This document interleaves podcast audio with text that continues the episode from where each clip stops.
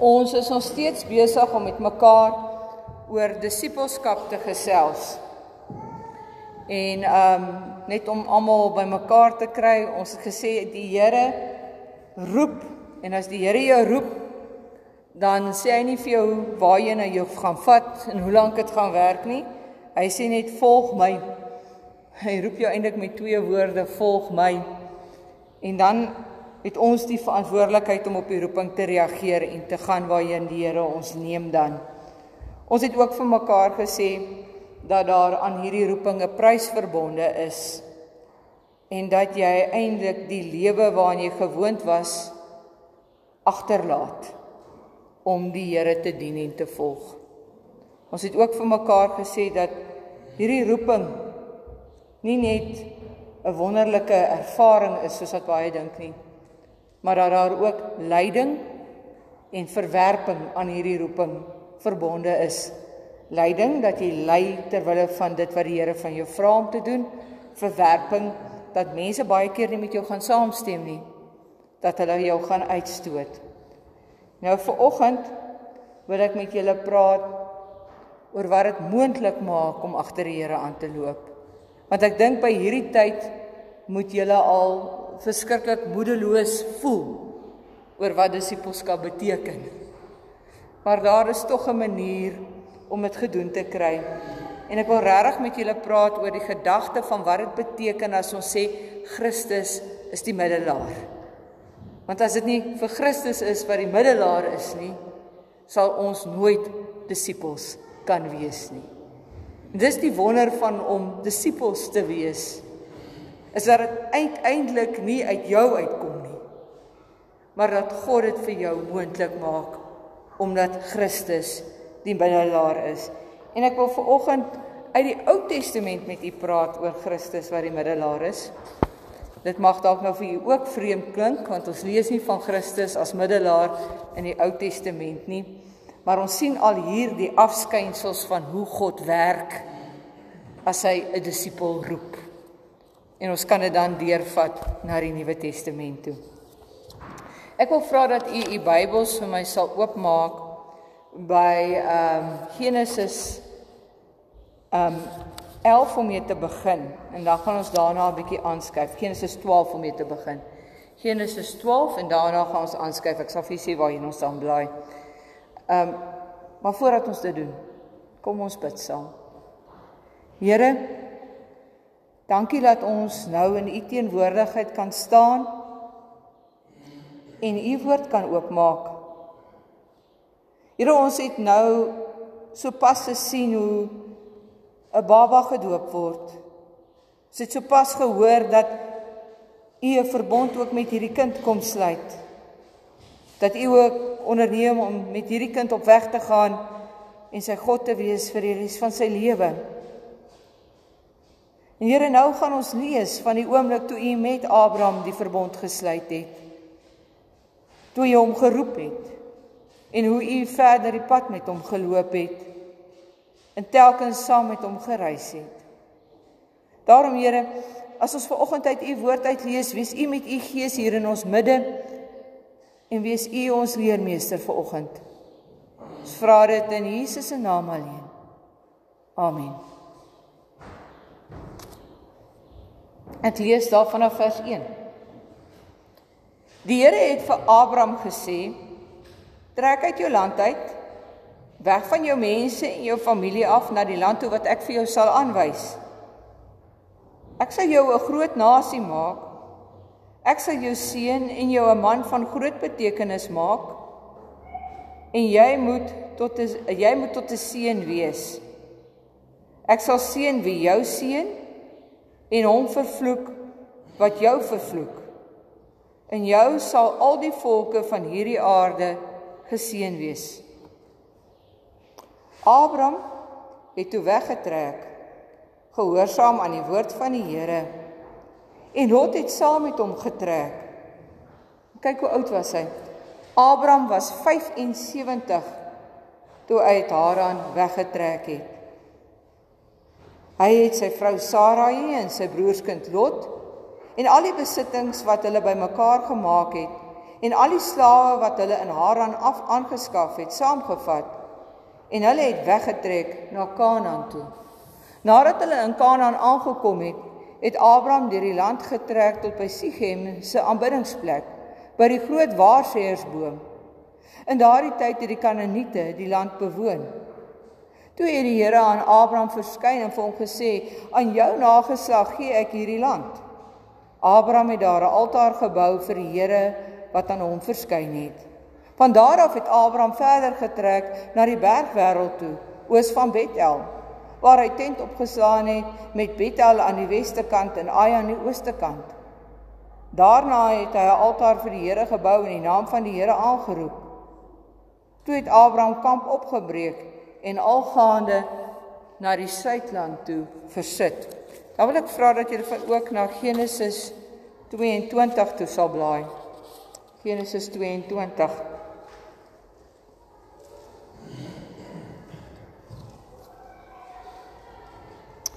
Ek gaan daarso vanaf vers 1 lees. Julle moet onthou, Abraham was 'n man van 75 wat nie 'n kind van sy eie gehad het nie. Wat eintlik nou al lekker afgetree onder sy tent wou sit toe die Here aan hom verskyn. En die Here vir hom sê, jy moet trek uit jou land uit, jy moet trek daar waar jou sekerheid is. En dan maak die Here nog aan Abraham die maal belofte vanuit 'n mensehoek gekyk dat hy 'n groot nasie sal wees. Nou ek wil nou dalk vra wie van u is ouer as 75 ver oggend hier in die kerk? Is daar iemand wat bereid is om 'n hand op te steek? Dalk daar's twee. Nou ek wil nou nie vir hom Attie en tannie Evie op die spot sit nie, maar ek weet nou nie hoe julle sou gevoel het as julle gehoor het julle moet nou ewe skielik trek. Daar's nie kinders nie en nou word daar nog 'n belofte gemaak. So dit is 'n bietjie van 'n onmoontlikheid waarvan 'n mens hier praat as 'n mens nou realisties oor die saak gaan dink. Dan weet ons die Here gee vir Abraham en Sara 'n kind. Toe hulle omtrent 100 jaar oud was. So hy het omtrent so 25 jaar nou nog getrek met die belofte. Dan kom die kind eers. En kyk wat gebeur dan nou hier. 'n Ruk na die vorige gebeurtenis het God vir Abraham op die proef gestel en vir hom gesê: "Abraham." Hy het geantwoord: "Hier is ek." God het vir hom gesê: "Vat jou seun, jou enigste seun, Isak wat jy liefhet, en gaan na die landstreek Moria toe en offer jou seun as brandoffer op een van die berge wat ek vir jou sal wys." Vroeg die volgende môre het Abraham 'n donkie opgesaal en hout gekap vir brand vir vir die brandoffer. Het twee slawe saamgevat en ook sy seun Isak. Toe het hy vertrek na die plek toe wat God vir hom aangewys het. Op die derde dag het Abraham die plek uit die verte gesien. Toe sê hy vir sy slawe: "Wag hier met die donkie. Ek en die seun gaan daar aanbid. Dan kom ons terug na julle toe." Abraham het die hout vir die brandoffer op sy seun Isak se rug getel en self vuur in 'n en 'n mes saamgevat. Terwyl hulle so saamloop, sê Isak vir sy pa: "Pa?" En Abraham antwoord: "Ja, my seun." Toe vra Isak: "Hier is vuur en hout. Maar waar is die lam om te offer?" Abraham het geantwoord: "My seun, God sal sy eie offerlam voorsien." Daarna het hulle twee saam verder gestap. Toe hulle aankom by die plek wat God vir Abraham aangewys het, het Abraham daar 'n altaar gebou. Hy het die hout reggesit en sy seun Isak vasgebind en op die altaar neergesit bo op die hout. Net toe Abraham die mes vat om sy seun te slag, roep die engel van die Here uit die hemel na hom: "Abraham, Abraham." Hy het geantwoord: "Hier is ek." Toe sê God: "Los jou seun. Moenie iets aan hom doen nie. Nou weet ek dat jy my dien. Jy het nie geweier om jou seun, jou enigste seun aan my te offer nie." Toe Abraham weer kyk, sien hy agter hom 'n ram, 'n skaapram wat aan sy horings in 'n bos vasgevang is. Hy die ram gaan vat en hom op die in die plek van sy seun as brandoffer geoffer. Toe noem Abraham die plek die Here voorsien. Daar word nou nog gesê op die berg van die Here word voorsien. Die engel van die Here het weer uit die hemel na Abraham toe geroep en gesê: "Dit is ek, die Here wat praat. Ek lê eet by myself af dat ek jou baie sal seën oor wat jy gedoen het. Jy het nie geweier om jou seun, jou enigste seun aan my te offer nie. Ek sal jou vrugbaar maak en jou nageslag so baie maak soos die sterre aan die hemel en soos die sand in die see. Jou nageslag sal die stede van sy vyand in besit neem. In jou nageslag sal al die nasies oor die aarde geseën wees, want jy het my gehoorsaam. Daarna is Abraham terug tot by sy slawe en hulle het almal na Berseba toe gegaan.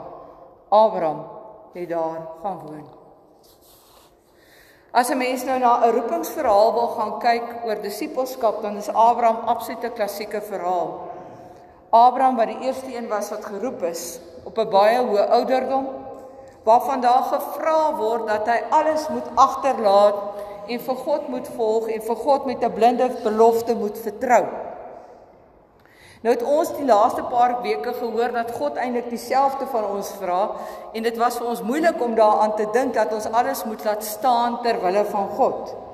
Maar ons sien al in die Ou Testament dat hierdie nie 'n vreemde ding is wat die Here vra van die mense met wie hy 'n pad loop nie. Van die begin af van Abraham af word daar gevra, gaan weg, trek weg. Los alles agter. Vertrou my en word daar altyd 'n belofte daarmee gemaak ek sal jou seën ek sal by jou wees en mens kan jou indink dat die eerste roeping vir Abraham dalk nog 'n makliker een sou gewees het want dit het net van hom gevra om sy tent op te slaan en te begin trek en hy daarom ten minste 'n belofte gehad het vir hom gevra om sy tent op te slaan sy familie agter te laat mens weet dalk nie dalk het hy nie eens met sy familie goed oor die weg gekom nie dit was dalk tot sy eie voordeel om te trek. Mens weet mos ou nie hoe dit gewerk het in hulle familie nie. Dalk was dit vir hom sleg geweest om sy familie agter te laat. Maar die feit is die prys was nie eintlik so hoog nie. Want hy kon gegaan het en hy het gegaan met 'n belofte dat die Here vir hom iets in ruil sal doen. En dit is ongelooflik om te sien hoe getrou die Here is. Soos wat Abraham trek, sê die Here telkens vir hom, "Dit sal jou plek wees en hierdie gaan aan jou behoort." So soos wat Abraham trek, kry hy die heeltyd hierdie idee van, "Ja, dit was nie 'n slegte roep om alles agter te laat nie, want kyk wat kry ek 'n ruil. Kyk wat ek kry ek elke keer As die Here vir jou nou hier laat staan en sê die Here hierdie sal deel wees van my van my besittings en die Here sê vir my hierdie sal deel wees so aan die een kant dalk sleg om die familie agter te laat, maar aan die ander kant kry hy nogal baie. En dan op 'n dag dan raak die Here met Abraham radikaal. Die seun en wie die belofte van die groot nageslag lê word gevra. Die kind vir wie hulle so lank gewag het. Daardie kind word geëis. En dis nie maar net 'n sommer so eis nie. Dis nie maar net 'n eis wat sê staan jou kind vir die Here se werk af nie. Dis 'n offer. Die eis wat die Here aan Abraham stel beteken Isak se dood. En ek het my al baie keer probeer indink hoe dit moes wees vir Abraham om met hierdie kind met die hout op die rug vir 2 dae aan te stap. En hoe hierdie kind telkens vir hom vra maar waar is die waar is die offerlam? En hoe hy eintlik weet my kind jy's die offerlam. Hoe dit vir hom moes gewees het om met daardie wete vir 2 dae te stap om te kom en dan daarna nog te moet gaan en daai altaar te moet bou. En mens kan eintlik iets van Abraham se hoop hier raak lees dat hy sê ja, maar die Here sal 'n offerlam voorsien. Ek dink hy het heimlik gebid asseblief Here, doen dit net, maar hy het nie geweet dit gaan gebeur nie. En as hy by die plek kom waar die offer gebring moet word, dan is daar nie 'n offerlam nie. Die Here laat hom letterlik daai altaar bou. Die Here laat hom letterlik vir Isak vasbind. Die Here laat hom letterlik vir Isak op daai altaar sit. Die Here laat hom letterlik die mes vat en afbring om vir Isak te slag. Ek baie keer al by my gewonder. Hoe moes hy gevoel het? Want tot op daai stadium het hy gesien hoe God vir hom sorg. Het hy gesien hoe God die beloftes waarmaak? Het hy gesien hoe God hom seën? En dan bring God hom by 'n punt waar God eintlik toets. Wat dink jy nou eintlik van my Abraham? Is ek nou maar net die autobank wat alles moet voorsien en gee? Of het jy my so lief dat jy hierdie kind sal offer? En Abraham weet ons was gehoorsaam. En net voordat hy daai mes teen Isak se keel sit, roep die Here hom en sê moenie. En voorsien die Here 'n offerlam. Iets in ruil vir Isak se lewe. En dan is dit vir ongelooflik as 'n mens verder kyk hoe die Here letterlik aan Abraham die belofte uitbrei dat in Isak die nasies geseën sal wees. Dat daar letterlik vanuit hierdie nageslag van Isak 'n verlosser sal kom. Die belofte van die verbond word groter gemaak aan die einde van hierdie gedeelte. Nou wat het dit met ons te doen? Ons leef nie meer in die tyd van God wat met Abraham 'n bepaalde pad geloop het nie. Maar ons leef in die tyd van die belofte wat waar geword het. Christus wat gekom het en mens geword het. Christus wat die verzoening vir ons bewerk het. En Christus wat die middelaar is tussen ons en God. Christus wat op hierdie stadium soos ons hier sit besig is om vir elkeen van ons in te tree. Christus wat ons so intiem ken. Wat weet wat ons pyn is. Wat weet wat ons hartseer is. Wat weet wat ons worstelstryd is wat weet waarvoor ons bang is. Wat weet wat vir ons moeilik is om te doen. Wat weet dat ons dalk al die laaste maand ongemaklik is oor die eis van disippelskap. Oor ons eie worsteling daarmee. Daardie Christus tree ook ver oggend en vandag en môre en oormôre en vir die res van u lewe in by die Vader. Daai Christus sien ook raak hoe moeilik dit vir u is om die Here te dien. Hoe moeilik dit vir u is om die Here te volg. Hoe moeilik dit vir u is om 'n disipel te wees. En daardie Christus praat met die Vader elke oomblik van die dag oor u. Dis wat die middelaar doen. Hy gaan staan in die spasie en hy sê: "Help hierdie kind asseblief. Help hierdie kind om keuses te maak. Help hierdie kind wat moeg is. Help hierdie kind wat moedeloos is. Versterk hulle weer in die geloof, Vader. Dis die een kant waar Christus middelaar is. En dis eintlik 'n ongelooflike deel van die tyd waarin ons lewe. Dat die Here nooit ooit weer van ons sal verwag soos wat hy van Abraham verwag het om 'n kind te gaan offer op 'n altaar en dood te maak nie maar dat God self sy eie kind geoffer het.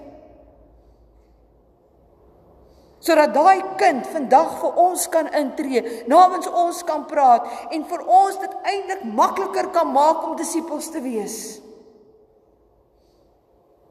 Want jy kan nie 'n disipel wees uit jou eie krag uit nie, uit jou eie mag uit nie.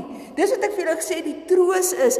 God voorsien ook vir ons die moontlikheid om hom te kan dien. Deur Christus heen.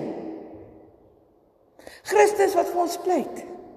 Maar weet jy, Christus se middelaarskap lê nie net tussen ons en God nie. Christus se middelaarskap lê ook tussen ons onderling.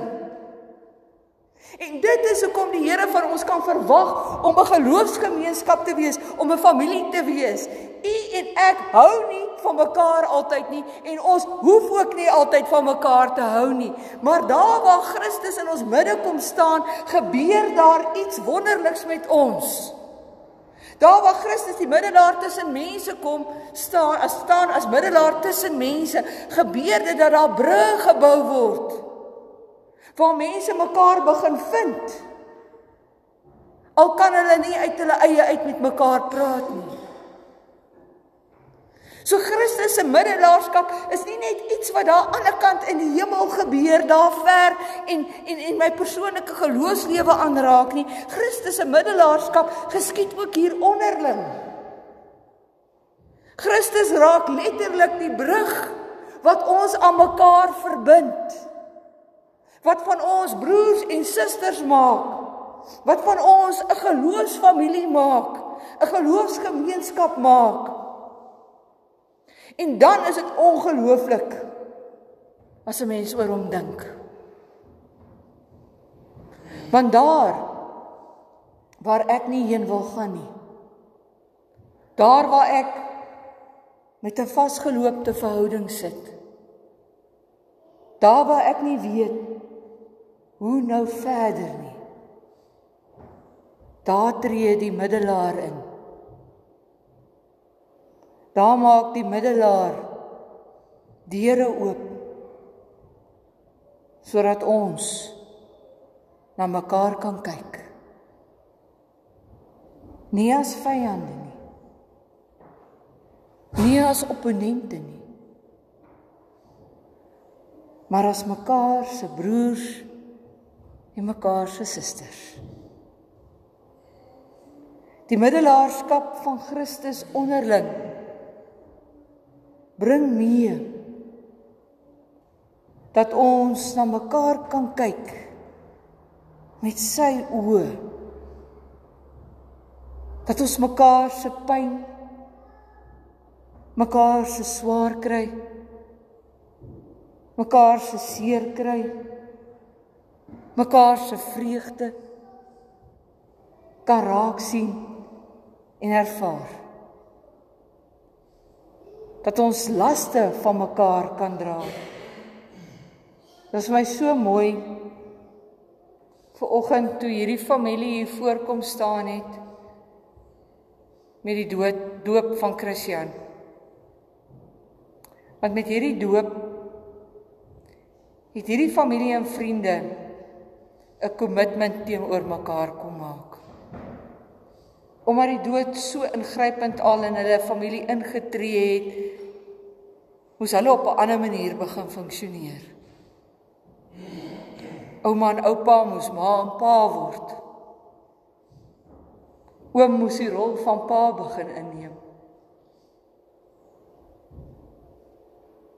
En dit het alles moontlik geword as gevolg van die brûe wat Christus bou. En op 'n manier het dit so uitgesprei dat dit na die vriende toe uitgesprei het. Wat gesê het ons is geïnspireer hierdeur. Ons neem saam verantwoordelikheid. As 'n mens daaroor dink, dan beskou ek dit wat in julle familie gebeur as 'n ongelooflike wonderwerk van hoe Christus tussen julle kom staan het. Brug kom bou het. Vang net te kom skep het. wederwysige ondersteuning gebring het.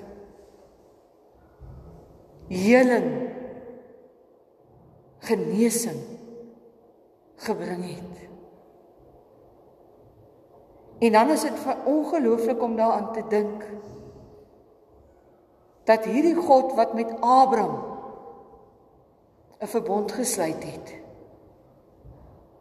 ook vir oggend met klein Christian 'n verbond kom sluit het.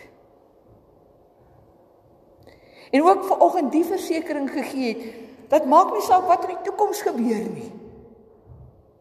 Julle nie vir een oomblik oor hom hoef bekommerd te wees nie. Want die Here het gesê ek sal sy God wees. Ek sal sorg vir hom.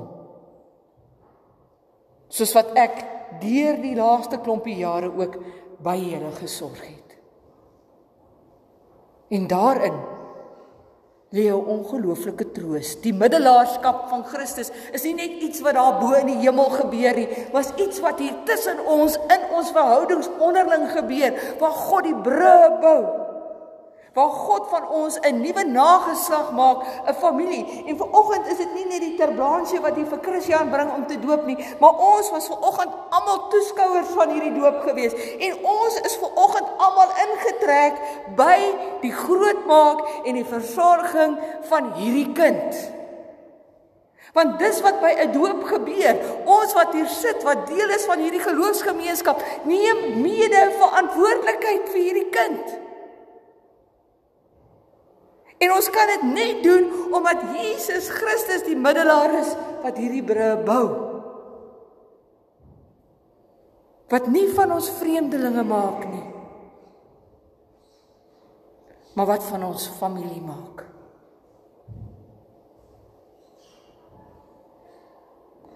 En omdat Christus self die brûe bou, hoef ons nie bang te wees nie vir die eise van disippelskap nie. Want hy self maak dit weer moontlik. Daar's net een stap wat jy hoef te doen. Volg hom. Hy sal vir die res sorg. Abraham moes hom volg tot by 'n altaar. En hy het gesorg. Sy seun het klaar gesorg vir ons aan 'n kruis. Klaar van ons daar 'n geloofsfamilie gemaak. En hier waar ons in die morsige deel van die lewe is, staan sy seun ook as middelaar tussen ons en bou die onderlinge brûe en die onderlinge verhoudings. En tree hy ook in by die Vader. Daar waar ons met God worstel. God het klaar die werk gedoen. Dis die bevrydende boodskap. Volg hom net. Amen. Here, dankie dat u die werk klaar gedoen het. Here, vergewe ons as dit vir ons moeilik is om te glo. Want ons dink so baie keer ons moet 'n klomp dinge uit ons eie uitdoen. En dis nie waar nie. Here help ons om net die moed van ons oortuiging te hê om U te volg en U te vertrou soos Abraham van ouds. Want ons weet Jesus is in ons midde.